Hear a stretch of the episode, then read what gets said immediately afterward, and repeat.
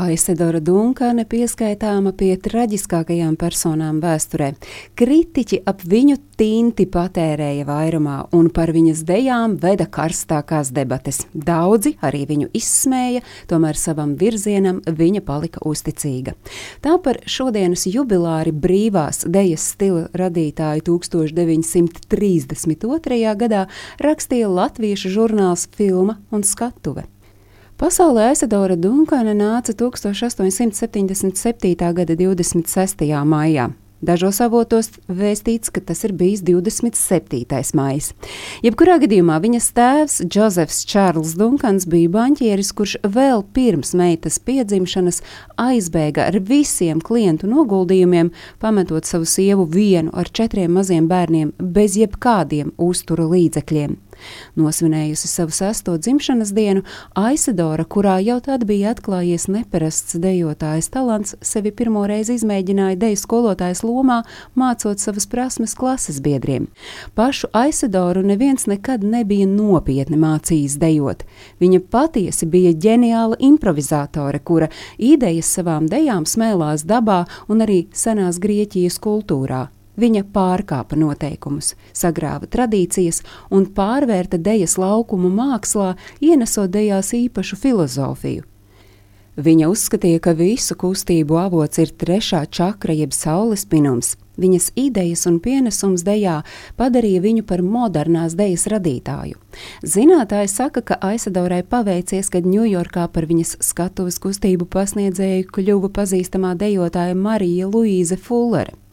1906. gadā jau sasniegusi popularitātes virsotnes savā darbā Nākotnes deja, Aisedora klasiskajam baletam veltīja nevisai glaimojošus vārdus.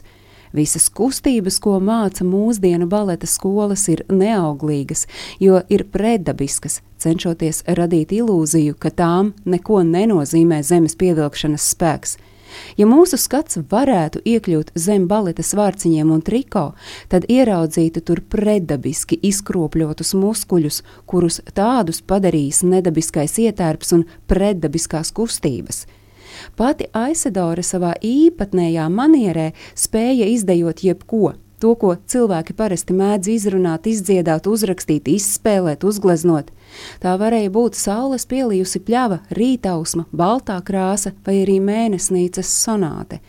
Tikpat daudz noteikumu, cik viņa pārkāpa deju zālē, viņa pārkāpa arī ārpus tās. Varētu teikt, ka viņas dzīve bija skandāliem un arī likstām bagātīgi piepildīta. Sabiedrību, piemēram, viņa izaicināja kļūstot par biseksuāļu, komunistu un ateistu atbalstītāju. Pieņķerīga bijusi arī viņas attiecību un ģimenes dzīve. Viņas mīļākā esot bijusi Mercedesa Deakosta, amerikāņu dzēniece, dramaturģe un rakstniece. Viņu attiecības dokumentētas vairākās vēstulēs. Dzīves laikā Aisadorai nācās piedzīvot daudzus traģiskus notikumus, kas ietekmēja viņas radošo biogrāfiju. Ārlaulībā piedzima divi bērni, abi gāja traģiski bojā noslīkstot sēnā. Pēc negadījuma sievietei dzima vēl viens bērns, kurš neilgi pēc piedzimšanas nomira. Dejotāja bija precējusies ar krievu dzinieku Sergeju Jesēņinu, kurš bija 18 gadu jaunāks par viņu. Laulība gan nebija ilga, bet divus gadus pēc šķiršanās Jesēņins izdarīja pašnāvību.